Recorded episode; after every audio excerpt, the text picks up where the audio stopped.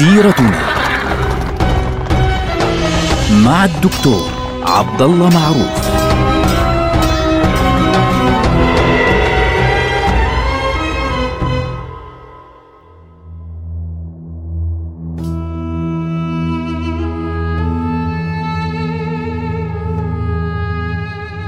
السلام عليكم ورحمة الله وبركاته. بسم الله الرحمن الرحيم. سيرتنا، سيرة أمتنا العظيمة، نبدأها بسيرة النبي صلى الله عليه وسلم. بين نهاية غزوة بدر ومن بعدها غزوة آه، بني قينقاع وإخراج بني قينقاع بعد أن أخلوا بعقدهم مع المسلمين في المدينة وبين آه، بينها وبين غزوة أحد هناك عام تقريبا. خلال هذا العام حدثت عدة مناوشات. منها مثلا أن قريش حاولوا يهاجموا أبو سفيان حاول يهاجم المدينة آه، عدة مرات. يعني منها غزوة سميت غزوة السويق لأنه النبي صلى الله عليه وسلم خرج يطارده بعد أن آه، سرق بعض الأشياء من المدينة. يعني مثل قطاع الطرق فعليا في ذلك الوقت. ومنها مجموعة من الأحداث الكبيرة جدا مثل غزوة مثل سرية مهمة جدا اللي هي سرية آه، كان على رأسها زيد بن حارثة رضي الله عنه وقد خرج باتجاه الشرق. يعني قريش حاولت إنها تهرب بقيادة صفوان بن أمية في آه، قافلتها للعام اللي بعده اللي هو العام الثالث. حاولت تبعد عن كل طريق الشمال وتروح على جهة نجد.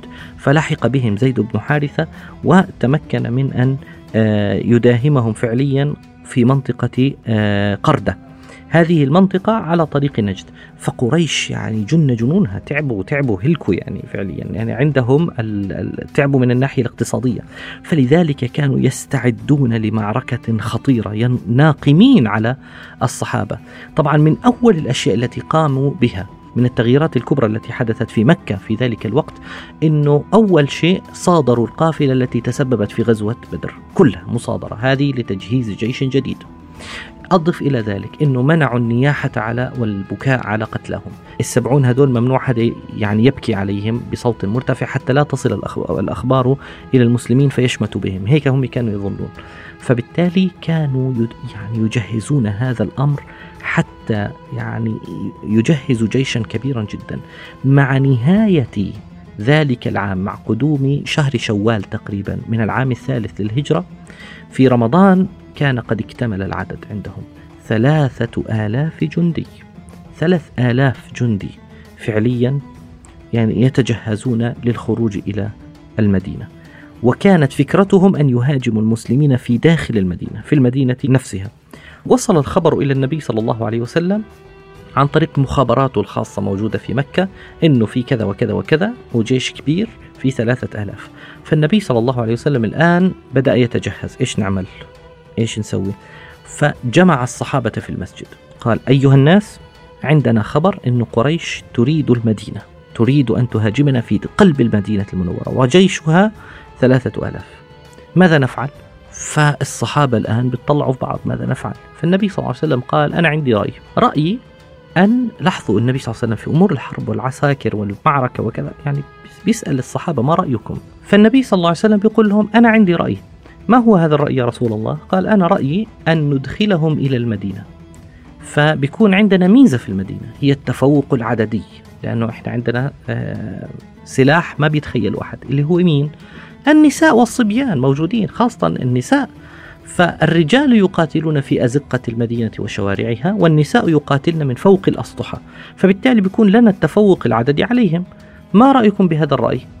فواحد من الصحابة اللي ما خرجوش إلى بدر قال يا رسول الله إحنا عندنا مسألة رأي آخر. إيش هو؟ أنا لا إحنا لم نخرج ولم نقاتلهم في بدر.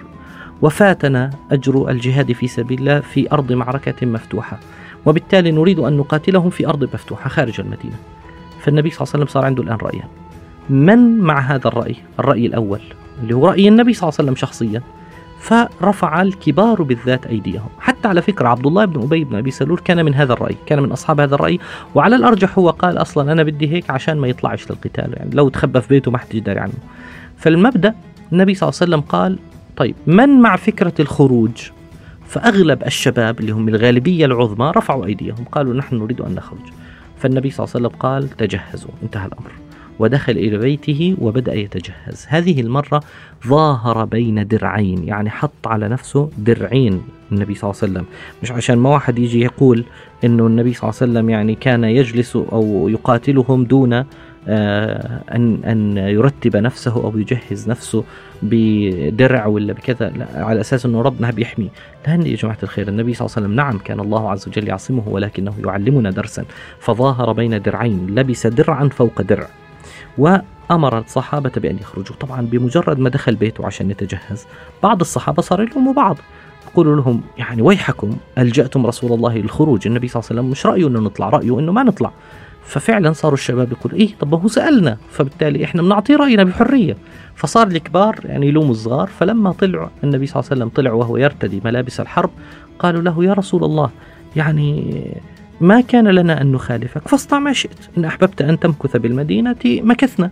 فقال لهم النبي صلى الله عليه وسلم يعلمهم ويعلمنا أيضا درسا معهم. قال ما كان لنبي إذا لبس لأمته. يعني ملابس الحرب. أن يضعها حتى يحكم الله بينه وبين عدوه. عند الحوار والنقاش والشورى النقاشات بيكون عندنا كل الآراء مطروحة وأخذ ورد وكلام لكن إذا اتخذ القرار انتهى الأمر. خلاص فإذا عزمت فتوكل على الله. فخرج ألف مقاتل مع النبي صلى الله عليه وسلم. وصل النبي صلى الله عليه وسلم في منطقة كان يوم جمعة فوصل النبي صلى الله عليه وسلم إلى منطقة اليوم فيها مسجد معروف صغير في المدينة اسمه مسجد الشيخين. فهناك النبي صلى الله عليه وسلم استعرض جيشه وبدأ يعني يرتب أمور الوصول إلى إلى قريش. طبعا هم موجودين من ناحية الشمال. طيب السؤال اللي بيطرح نفسه بعض الناس مش مستوعبينها لحد الآن. طب قريش ستأتي من مكة وهي جاي من مكة. فلما هم جايين من مكة على أي أساس إجوا من جهة أحد؟ أحد في الشمال ومكة في الجنوب. آه النبي صلى الله عليه وسلم كان يعلم أنه المدينة إذا بده يجيها جيش ما في مجال أنهم يدخلوا المدينة إلا من ناحية الشمال لأنه في الجنوب عندنا مزارع النخيل الكثيفة أضف إلى قباء وعدد كبير من الحصون صعب يوصلوها. من ناحية الشرق ومن ناحية الغرب هناك الحرتان اللي هي منطقة صخرية سوداء جدا. صعب أنه الخيل تمشي عليها بل لا تمشي عليها الخيول. وبالتالي المدخل الوحيد للمدينة هو من جهة الشمال. فقريش أتت عند أحد. عسكروا قريبا من أحد في منطقة اسمها السبخة عند الجرف. فنزلوا في هذيك المنطقة. فالنبي صلى الله عليه وسلم اتجه شمالا إليهم. لما وصل النبي صلى الله عليه وسلم على مقربة منهم في فجر يوم السبت أو قريب يعني قريب الفجر فعليا من يوم السبت حدثت حادثة في غاية الخطورة.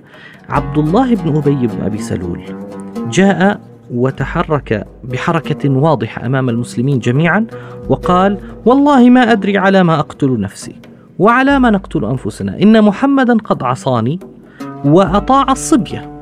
فبالتالي لا مقام لكم فارجعوا يلا نقاتل بدناش نقاتل. وبدأ ينسحب وإذا بثلاثمائة تقريبا ينسحبون معه. طبعا لاحظوا هو اختار وقت في غاية الدقة عندما اقترب جيش المسلمين من المشركين وبالتالي المشركين من بعيد شايفين جيش المسلمين هو قادم. ولذلك اختار موعد في غاية الخطورة وكاد اثنان يعني بنو حارثة من الأوس وبنو سلمة من الخزرج كادوا فعلا معنوياتهم تنهار. ثلث الجيش. بقي من ألف بقي سبعمائة ونحن سنقاتل ثلاثة آلاف. فبالتالي ماذا سنفعل؟ لولا أن الله ثبت هاتين الفئتين. إذ هم الطائفتان منكم أن تفشلا والله وليهما وعلى الله فليتوكل المؤمنون. هكذا يقول الله عز وجل في سورة آل عمران. فالمبدأ إنه النبي صلى الله عليه وسلم لما وصلوا خبر عبد الله بن أبي بن أبي سلول قال يعني قد أراحكم الله منهم. انتهوا. يعني تركوهم وأكمل طريقه. ولاحظوا النبي صلى الله عليه وسلم الآن صار في عنده إشكالية اللي هي الجيش صغير جدا. وكيف أحلها؟ انظروا كيف حلها النبي صلى الله عليه وسلم. الآن صارت اولويته إنه يحمي هذا الجيش الصغير. 700 مقابل 3000 فماذا فعل؟ تحرك شرقا ولف حوالين منطقة أحد حتى وصل عند أحد بين اللي الجبل اللي بيسموه اليوم جبل الرومان تقريبا يعني قريب من عنده. آه بالتالي اليوم بعض الناس بيطلع على جبل الرماة بينظر إلى أحد ويظن أن هناك ميدان معركة هذا غير صحيح بيكون ميدان المعركة فعليا على يسارك. إذا وقفت على جبل الرماة تنظر إلى أحد. فالنبي صلى الله عليه وسلم جعل جبل الرماة على يساره اللي هو اسمه جبل عينين في ذلك الوقت. وجبل أحد خلاه على يمينه وعلى طرفه الخلفي يعني على في ظهره من جهة اليمين. بقيت فقط منطقة مؤخرة الجيش من جهة اليسار مفتوحة ولذلك جعل فيها خمسين من أشهر وأفضل الرماة فوق جبل عينين اللي هو باسمه اليوم جبل الرماة. وقال لهم احموا ظهورنا لا نؤتين من قبلكم. كان عبد الله بن جبير الأنصاري رضي الله عنه هو صاحب هذه المجموعة. أنتم رماة خمسون. ممنوع تتحركوا من مكانكم. يعني يقول لهم النبي صلى الله عليه وسلم احموا ظهورنا. إن رأيتمونا نقتل فلا تنصرونا. وإن رأيتمونا نغنم فلا تشركونا. ولا ترحوا أماكنكم. وإن رأيتمونا تخطفنا الطير. حتى أرسل إليكم وفي رواية حتى آتيكم. فبالتالي أوامر مشددة لأنه عنده ثغرة. ممكن يعني ينقلب عليه يعني ينقلب ميزان المعركة كلها بسببها. واختار النبي صلى الله عليه وسلم أن يقف بهذا الشكل ويجعل المشركين أمامه بينه وبين المدينة حتى تيجي الشمس من جهة المسلمين فتكون في عيون المشركين. وهكذا صار جاهزا لبداية المعركة. نلقاكم على خير. والسلام عليكم ورحمة الله وبركاته.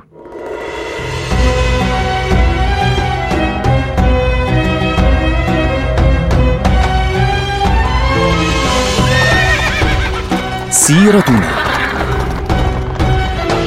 مع الدكتور عبد الله معروف.